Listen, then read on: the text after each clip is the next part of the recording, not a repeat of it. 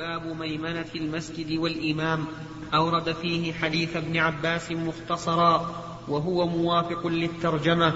أما للإمام فبالمطابقة وأما للمسجد فبال فباللزوم وقد تعقب من وجه آخر وهو أن الحديث إنما ورد فيما إذا كان المأموم واحدا. أما إذا, كثر أما إذا كثروا فلا دليل فيه على فضيلة ميمنة المسجد.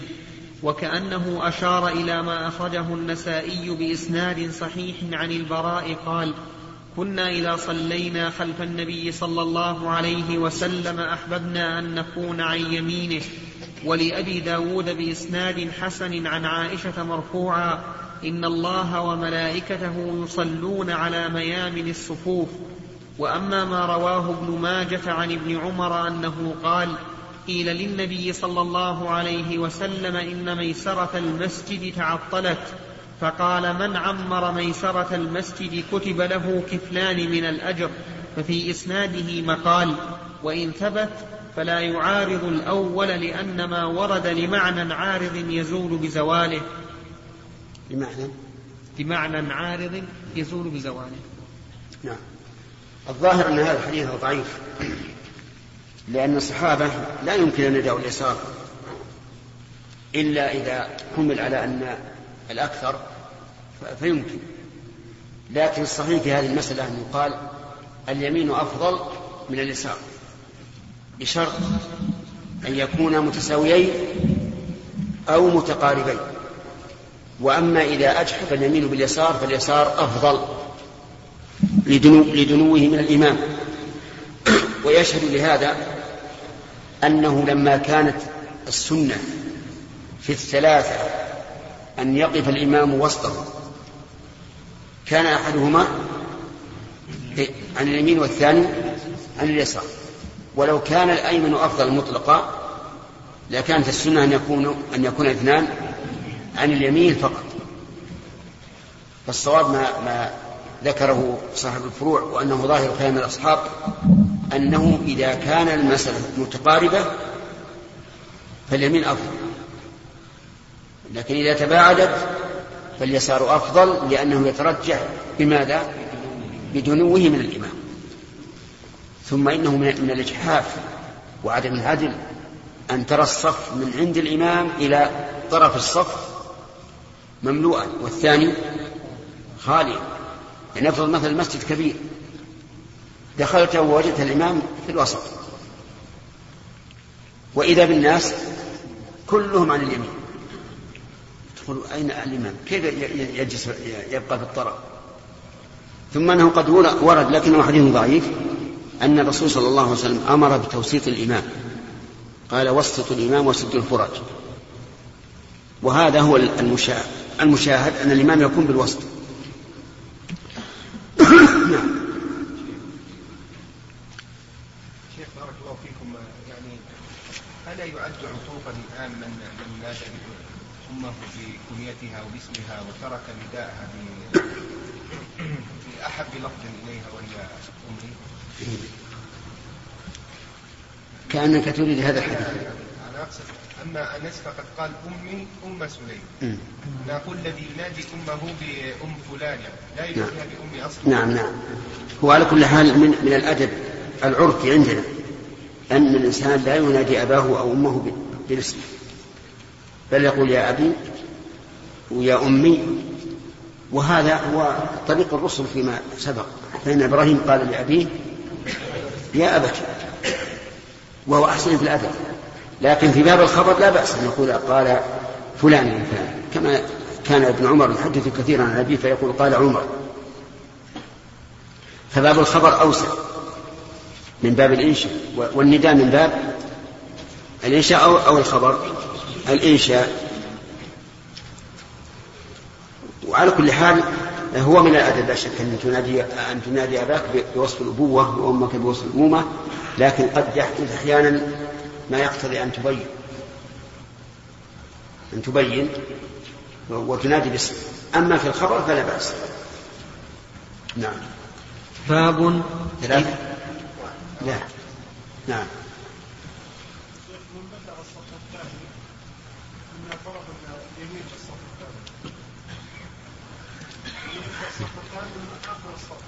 أي. نقول هذا قلب قلب للواقع. هذا أبعد عن الإمام فإذا بدأت الصف فابدأ من وراء الإمام لأنه كلما كنت محاذي الإمام كنت أقرب إليه.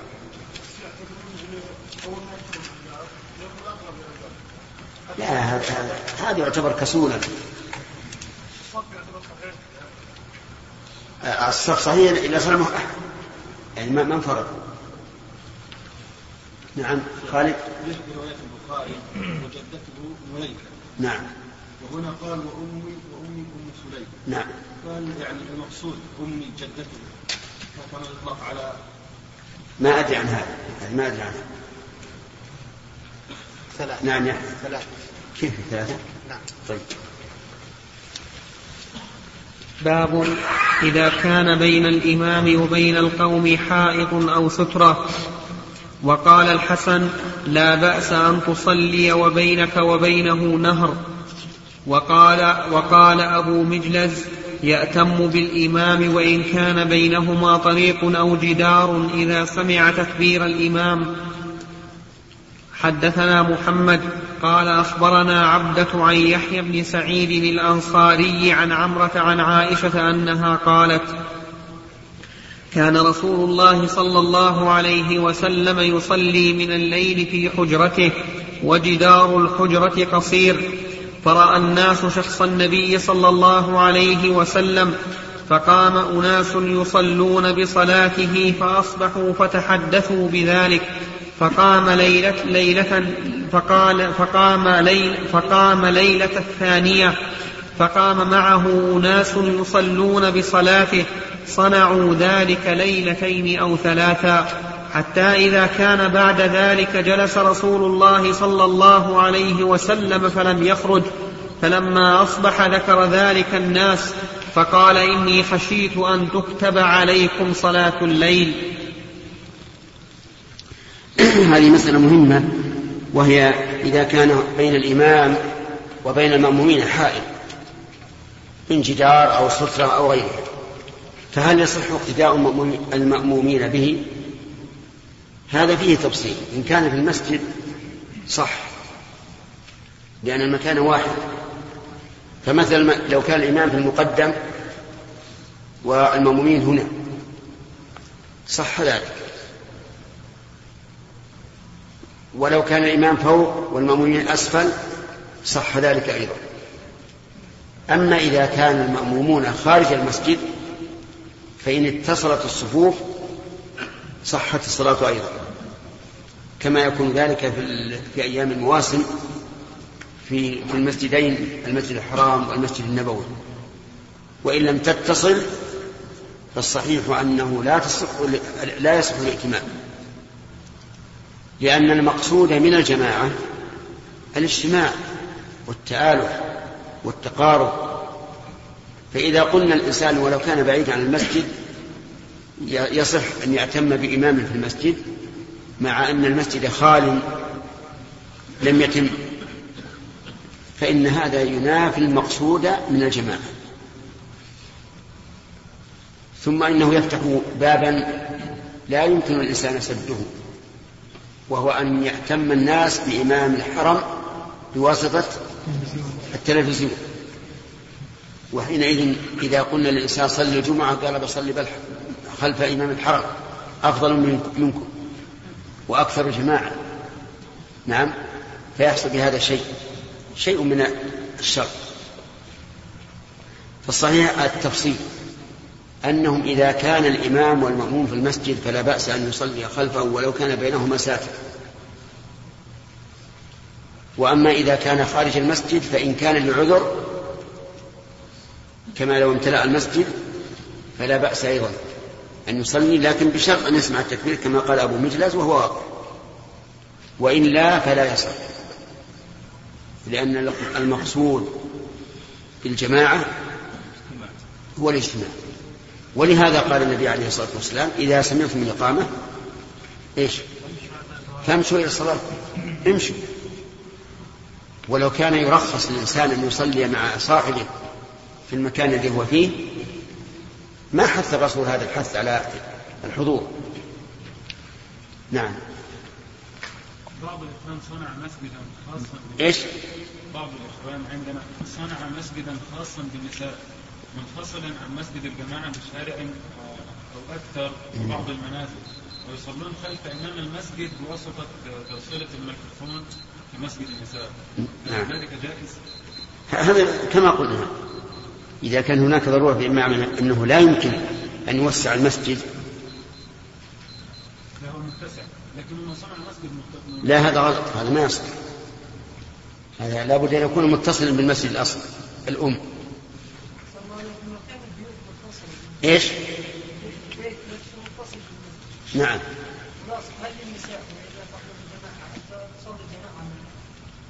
لكنه خارج المسجد.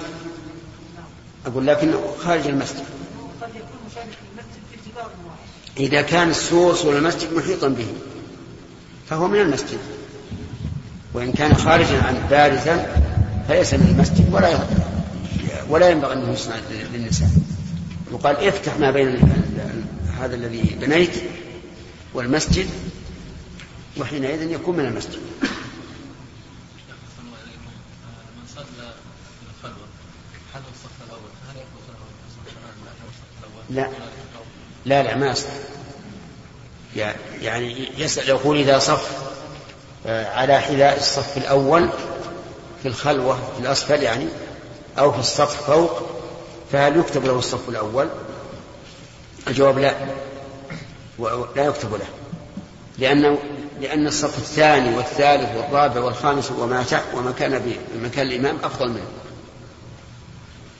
باب صلاة الليل. حدثنا إبراهيم بن المنذر. نشوف الترجمة؟ أي في الفتح. الحديث الأخ- الأخير. الترجمة الترجمة. هو الحديث؟ الحديث أيضا قوله صل- صلى النبي يصلي النبي صلى الله عليه وسلم في حجرته المراد ما احتجره من المسجد. ليس المراد حجرة البيت. لا ما احتجره. لأن الرسول صلى الله عليه وسلم صنع له حجرة في المسجد وصار الناس ينظرونه من ورائه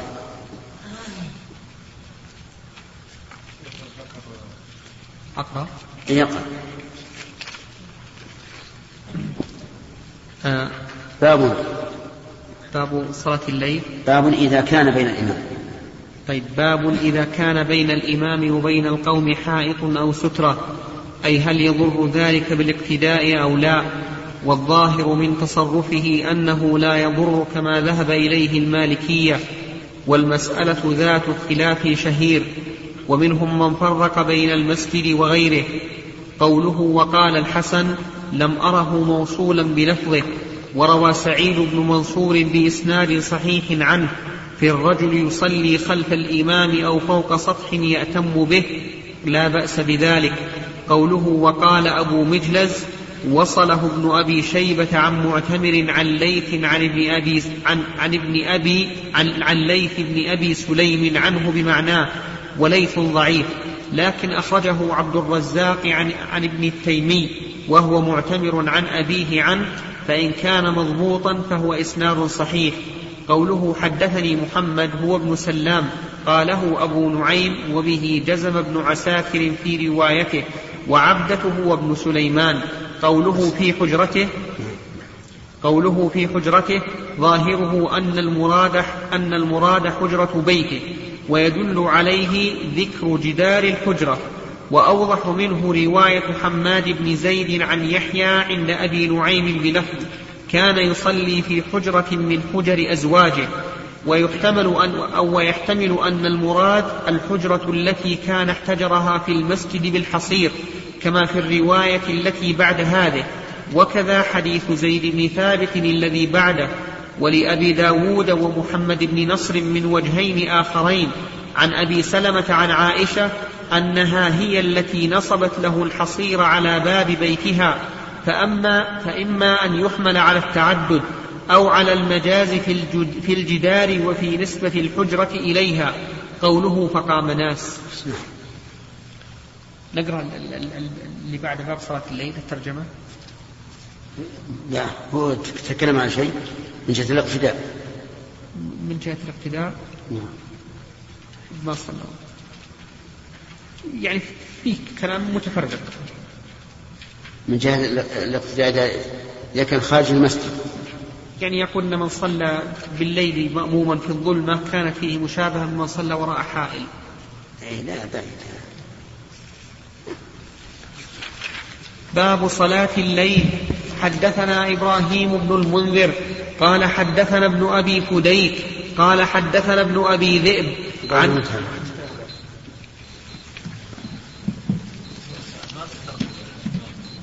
انتهى كتاب الجماعة والإمامة باب صلاة الليل.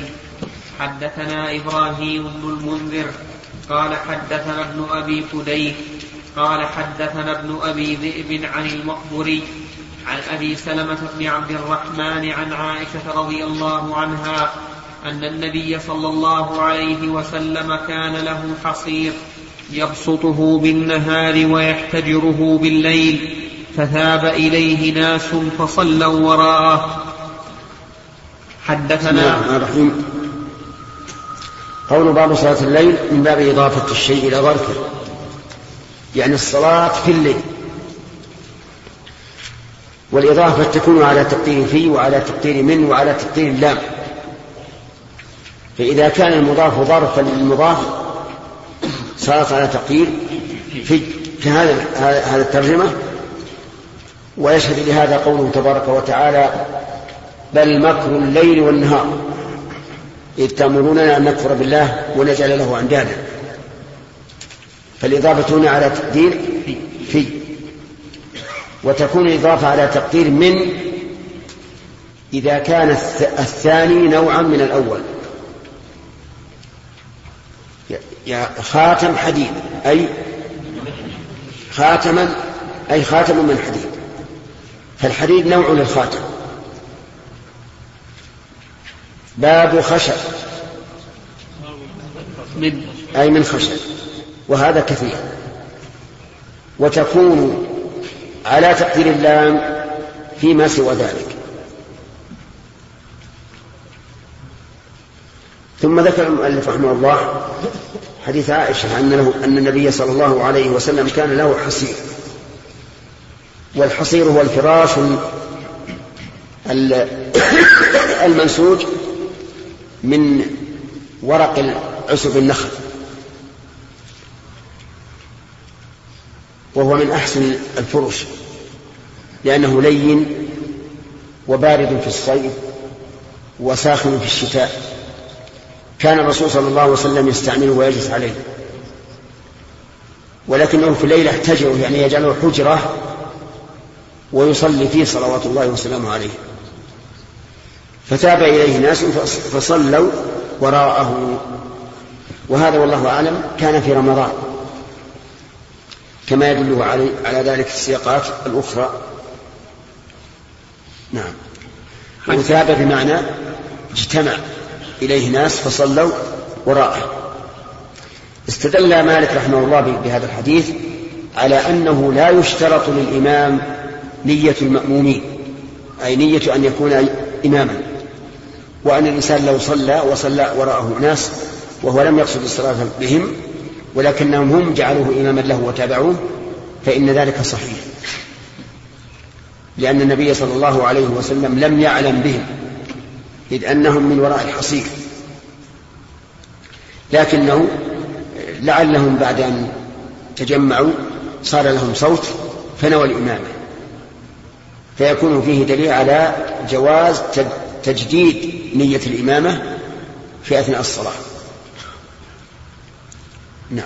حدثنا عبد الأعلى بن حماد قال حدثنا وهيب قال حدثنا موسى بن عقبة عن سالم أبي النضر عن بسر بن سعيد عن زيد بن ثابت أن رسول الله صلى الله عليه وسلم اتخذ حجرة اتخذ حجرة قال حسبت أنه قال من حصير في رمضان فصلى فيها ليالي فصلى بصلاته ناس من أصحابه. فلما علم بهم جعل يقعد فخرج إليهم فقال قد عرفت الذي رأيت من صنيعكم فصلوا أيها الناس في بيوتكم فإن أفضل الصلاة صلاة المرء في بيته إلا المكتوبة. قال عفان حدثنا وهيب قال حدثنا موسى قال سمعت أبا النضر عن بسر عن زيد عن النبي صلى الله عليه وسلم هذا يبين ما سبق أن قلنا أن هذا كان في رمضان. وفيه في هذا الحديث دليل على أن الإنسان إذا رأى من الناس الاقتداء الاقتداء به في أمر لا يشرع أنه يتأخر يتأخر عنه حتى لا يظن الناس أنه مشروع. وفيه أيضا دليل على أن أفضل الصلاة في البيت. إلا المكتوبة وأنه لا فرق في هذا بين بلد الحرمين وغيره. بمعنى أنه حتى لو كان الإنسان في المدينة قلنا الأفضل أن تصلي في بيتك إلا المكتوبة. حتى في مكة الأفضل أن تصلي في بيتك إلا المكتوبة. وكثير من محب الخير يرغبون أن يصلوا النافلة في المسجدين. النبوي والمسجد الحرام. ولكن هذا خلاف السنة. لأن الرسول صلى الله, صلى الله عليه وسلم أطلق وعمم ويقال إن الأجر الحاصل لك باتباع السنة أفضل من كمية الأجر الذي تحصل لك في في الصلاة في المسجد. لأن بعض الناس يتعاظم كيف أصلي في بيتي وأترك مئة ألف صلاة في المسجد الحرام أو ألف صلاة في المسجد النبوي فيقال نعم اتباع السنة أولى وأفضل وأعظم أجرا.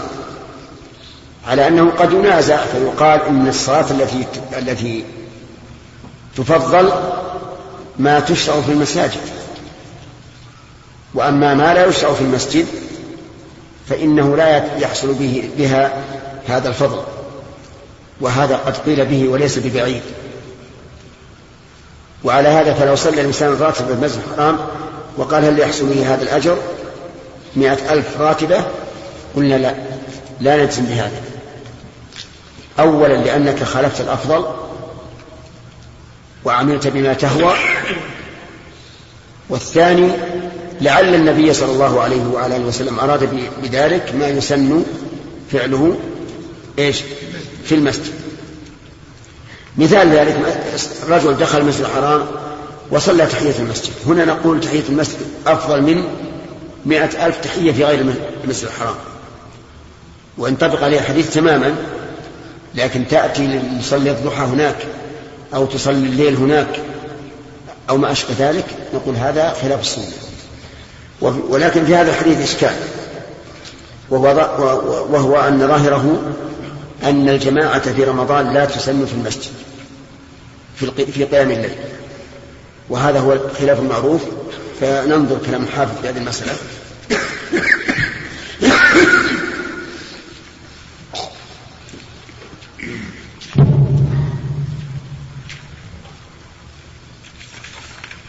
بسم الله الرحمن الرحيم.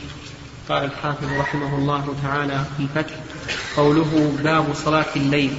كذا وقع في رواية المستملي وحده. ولم يعرج عليه أكثر الشراح ولا ذكره الإسماعيلي وهو وجه السياق لأن التراجم متعلقة بأبواب الصفوف وإقامتها. ولما كانت الصلاة بالحائل قد يتخيل, قد يتخيل أنها مانعة من إقامة الصف ترجم لها وأورد ما عنده فيها. فأما صلاة الليل بخصوصها فلها كتاب مفرد سيأتي في أواخر الصلاة. وكأن النسخة وقع فيها تكفير لفظ صلاة الليل وهي الجملة التي في إيش؟ كأن؟ وكأن النسخة وقع فيها تكبير لفظ صلاة الليل وهي الجملة تقدير؟ تكرير تكرير؟ تكرير. نعم.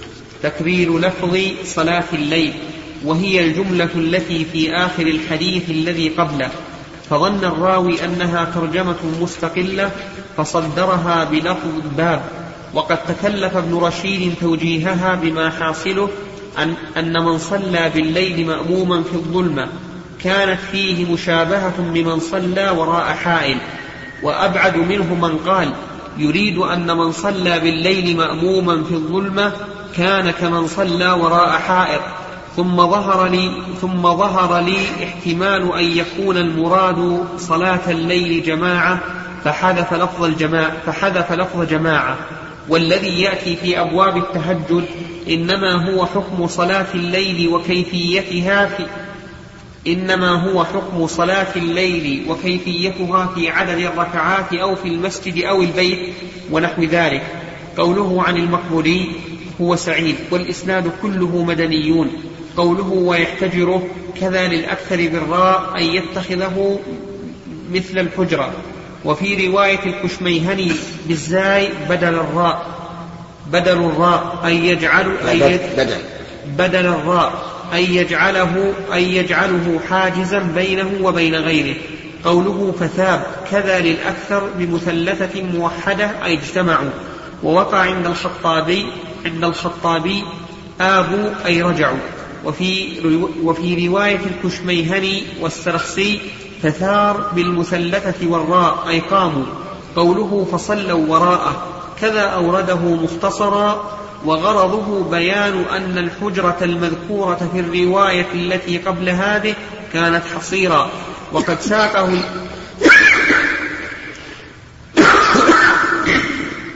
وقد ساقه الإسماعيلي من وجه آخر عن ابن أبي ذئب تاما وسنذكر الكلام على فوائده في كتاب التهجد إن شاء الله تعالى.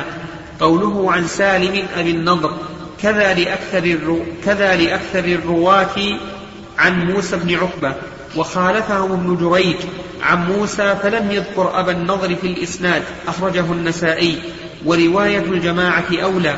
وقد وافقهم مالك في الإسناد لكن لم يرفعه في الموطأ.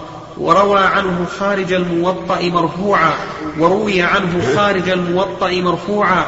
وفيه ثلاثة من التابعين مدنيون على نسق أول على نسق أولهم موسى المذكور. قوله حجرة كذا للأكثر بالراء وللكشميهني أيضا بالزاي. قوله من صنيعكم. كذا للأكثر وللكشميهني بضم الصاد وسكون النون وليس المراد وليس المراد به صلاة صلاتهم فقط بل كونهم وليس المراد به صلاتهم فقط بل كونهم رفعوا أصواتهم وسبحوا به ليخرج إليهم. وحصب بعضهم الباب لظنهم أنه نائم كما ذكر المؤلف ذلك في الأدب وفي الاعتصام. وزاد فيه حتى خشيت أن يكتب عليكم ولو كتب عليكم ما قمتم به. وقد استشكل الخطابي هذه الخشية كما سنوضحه في كتاب التهجد إن شاء الله تعالى. قوله أفضل الصلاة صلاة المرء في بيته إلا المكتوبة. ظاهره أنه يشمل جميع النوافل لأن المراد بالمكتوبة المفروضة لكنه محمول على ما يشرع فيه التجميع. لما لا على ما لا يشرع. نعم لكنه محمول على ما لا يشرع فيه التجميع وكذا ما لا يخص المسجد كركعتي التحية.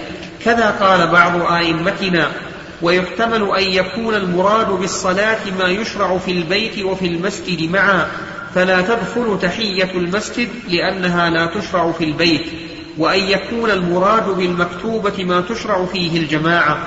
وهل يدخل ما وجب بعارض الأخير غلط. هو الأخير غلط.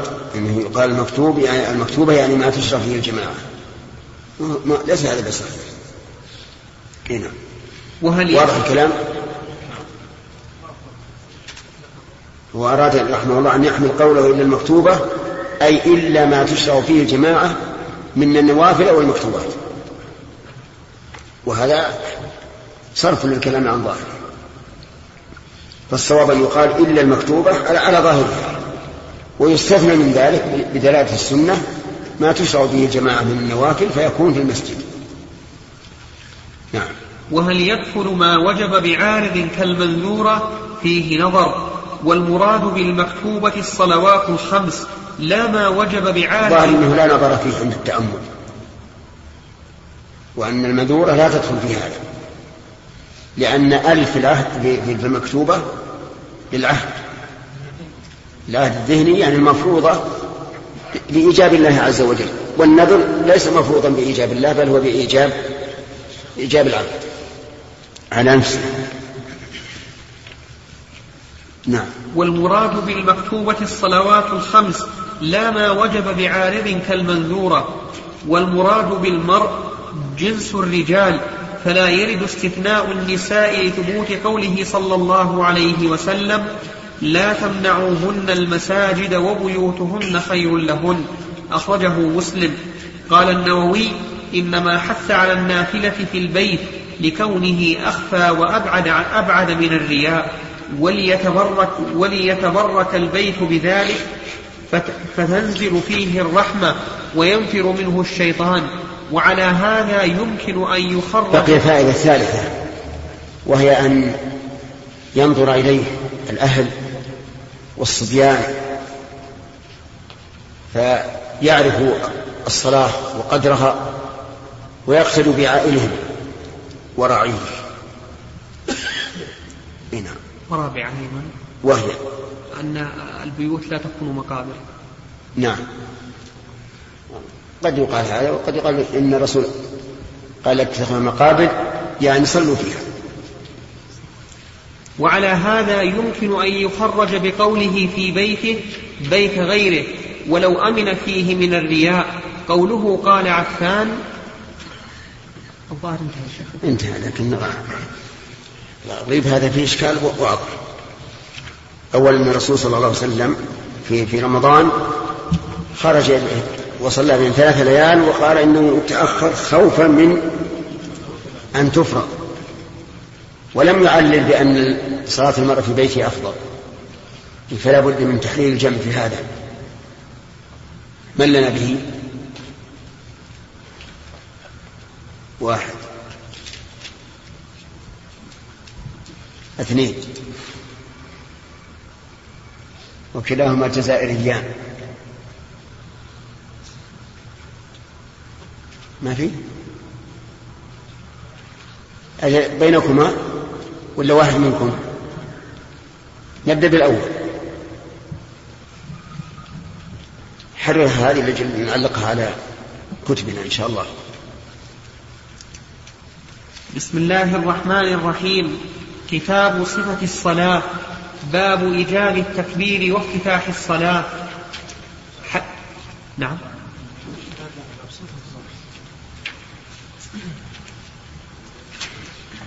من عندنا أنا عندي. ها؟ بدأ بالقراءة. نعم. عندي. ما ما يضر إن عندنا باب إيجاب التكبير وافتتاح الصلاة. حدثنا أبو اليمان قال أخبرنا شعيب عن الزهري قال أخبرني أنس بن مالك الأنصاري أن رسول الله صلى الله عليه وسلم ركب فرسا فجحش شقه الأيمن.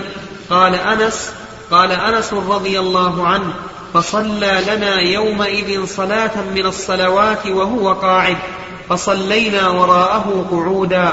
ثم قال لما سلم إنما جعل الإمام ليؤتم به فإذا صلى قائما فصلوا قياما وإذا ركع فاركعوا وإذا رفع فارفعوا وإذا سجد فاسجدوا. وإذا قال سمع الله لمن حمده فقولوا ربنا ولك الحمد. حدثنا قتيبة بن سعيد قال حدثنا ليث عن ابن شهاب عن أنس بن مالك رضي الله عنه أنه قال خر رسول الله صلى الله عليه وسلم عن فرس فجحش فصلى لنا قاعدا فصلينا معه قعودا ثم انصرف فقال إنما الإمام أو إنما جعل الإمام ليؤتم به فإذا كبر فكبروا وإذا ركع فاركعوا وإذا رفع فارفعوا وإذا قال سمع الله لمن حمده فقولوا ربنا لك الحمد وإذا سجد فاسجدوا. حدثنا أبو اليمان قال أخبرنا شعيب قال حدثني أبو الزناد عن الأعرج عن أبي هريرة قال قال النبي صلى الله عليه وسلم إنما جعل الإمام ليؤتم به فإذا كبر فكبروا وإذا ركع فاركعوا وإذا قال سمع الله لمن حمده فقولوا ربنا ولك الحمد وإذا سجد فاسجدوا وإذا صلى جالسا فصلوا جلوسا أجمعون. هذان الحديثان حديث أنس حديث أنس بلفظيه وحديث أبي هريرة يدلان على وجوب التكبير بقوله إذا كبر فكبروا والمراد بذلك تكبيرة الإحرام وهي التي قال فيها النبي صلى الله عليه وسلم للمسيء في صلاته إذا قمت إلى الصلاة فأسبغ الوضوء ثم استقبل القبلة فكبر قال العلماء ولا تنعقد الصلاة بدونها. سواء وافقها في المعنى أم لم يوافقها. فلا تصح الصلاة إذا استفتحها بقوله الله أجل أو الله أعظم بل لابد الله أكبر. وهذا هو الشاهد من هذين الحديثين. وفي هذين الحديثين فوائد سبقت لنا وفيهما أيضا في هذين الحديثين اختلاف في قوله ربنا لك الحمد وربنا ولك الحمد وكلاهما جائز. يعني يجوز أن تقول ربنا لك الحمد أو ربنا ولك الحمد. وفيه رد على قول من يقول إن المأموم يجمع بين قوله سمع الله لمن حمده وقوله ربنا ولك الحمد كما كان كالإمام والمنفرد. والصحيح أن المأموم لا يتجاوز ما أمر به الرسول عليه الصلاة والسلام. وقد أمر أن يقول إذا قال سمع الله لمن حمده فقولوا ربنا ولك الحمد. فمن قال سمع الله لمن حمده من المؤمنين فقد خالف الحديث. وفيه أيضا أن المأموم إذا صلى إمامه جالسا صلى جالسا. ولا فرق بين أن يكون الإمام إمام الحي أو إماما أو إماما طارئا.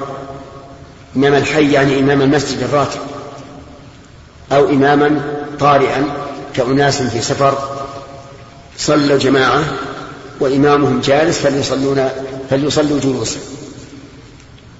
وظاهره أيضا أنه لا فرق بين أن يكون المرض دائما لا يرجى برؤه وأن يكون طارئا يرجى برؤه لعموم إذا صلى جالسا فصلوا جلوسا.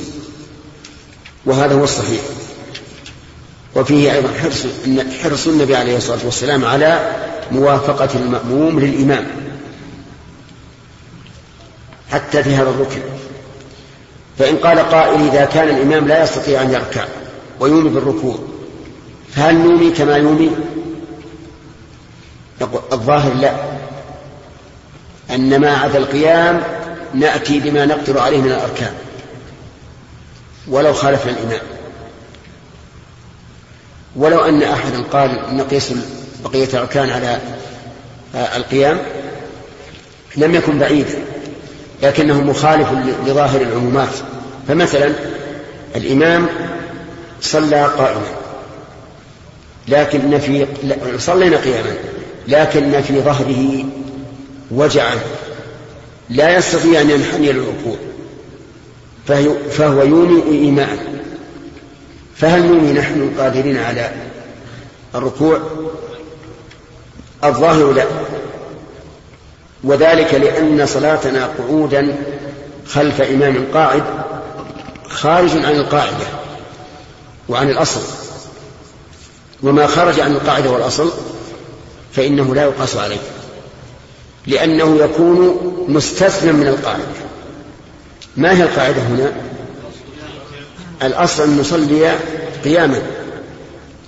فإذا استثنيت حال, حال من الحالات فإننا لا نقيس عليها حالا أخرى. ومثل ذلك لو كان يصلي جالسا وصلينا جلوسا لكنه لا يستطيع أن يسجد فيومي بالسجود. هل نقول إننا نومي بالسجود ونحن جلوس؟ لا.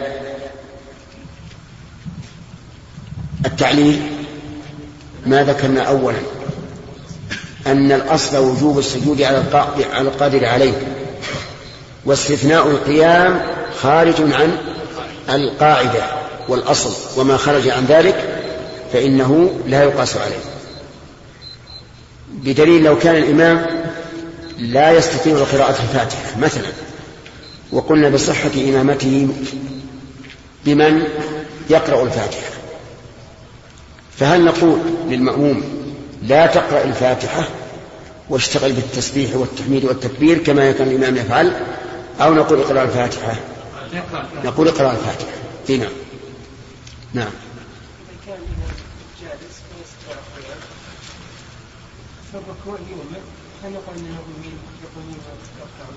لا لا لأن الآن فرضهم القعود. القعود ما في ركوع. الركوع هنا تابع للقيام. لكن المثال الذي ذكرنا أن الإمام يصلي قائما وهم يصلون قياما لكن به علة في ظهره لا يستطيع الركوع فيؤمن وهو وهو واقف.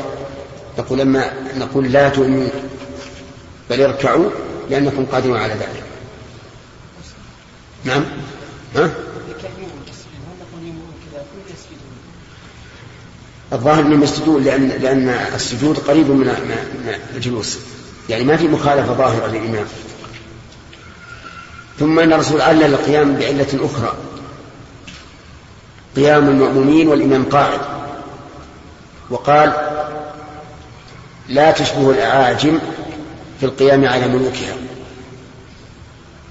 فجعل هؤلاء القوم الذين يصلون قياما والإمام جالس يشبهون الأعاجم الذين يقفون على أو يقومون على رؤوس ملوكهم.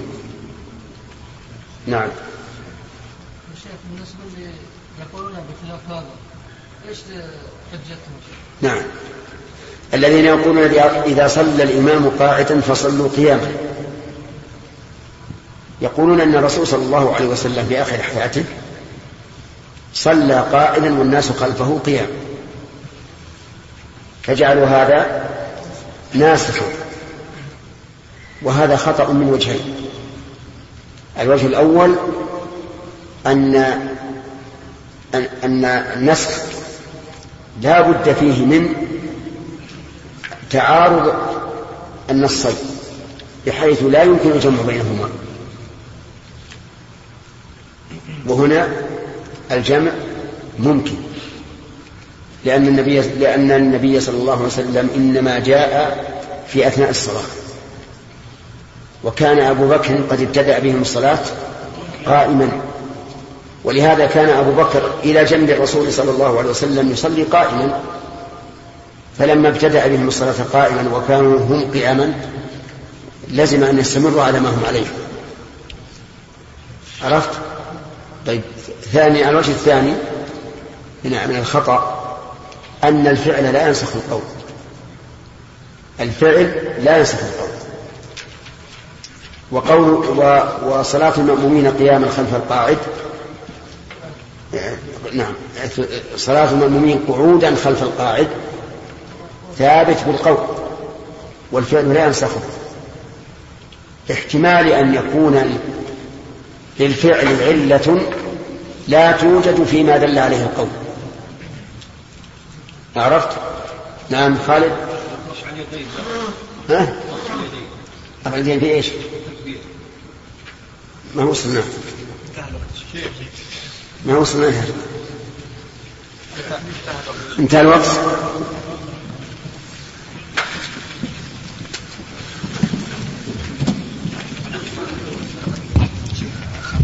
نبينا محمد وعلى آله وصحبه أجمعين. قال الإمام البخاري رحمه الله تعالى في صحيحه في في كتاب صفة الصلاة باب رفع اليدين في التكبيرة الأولى مع الافتتاح سواء.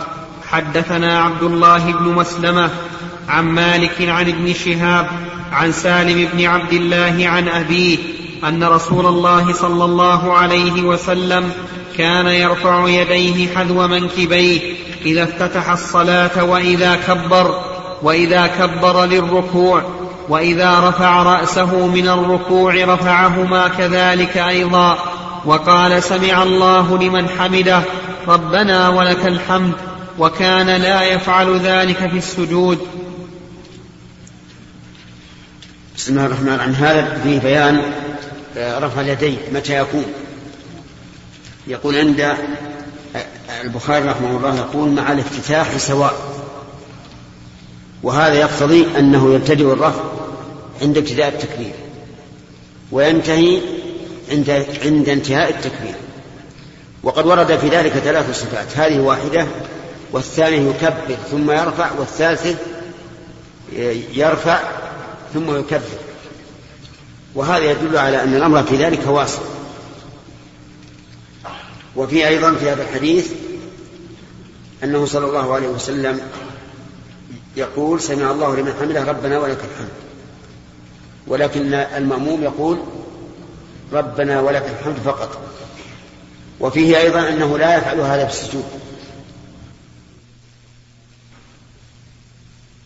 أيها الإخوة في ختام هذه المادة نسأل الله أن نلقاكم في لقاءات متجددة. مع تحيات مؤسسة الاستقامة الإسلامية للإنتاج والتوزيع في عنيزة. شارع هلالة رقم الهاتف والناسخة الهاتفية صفر ستة ثلاثة ستة أربعة ثمانية ثمانية ثمانية صفر.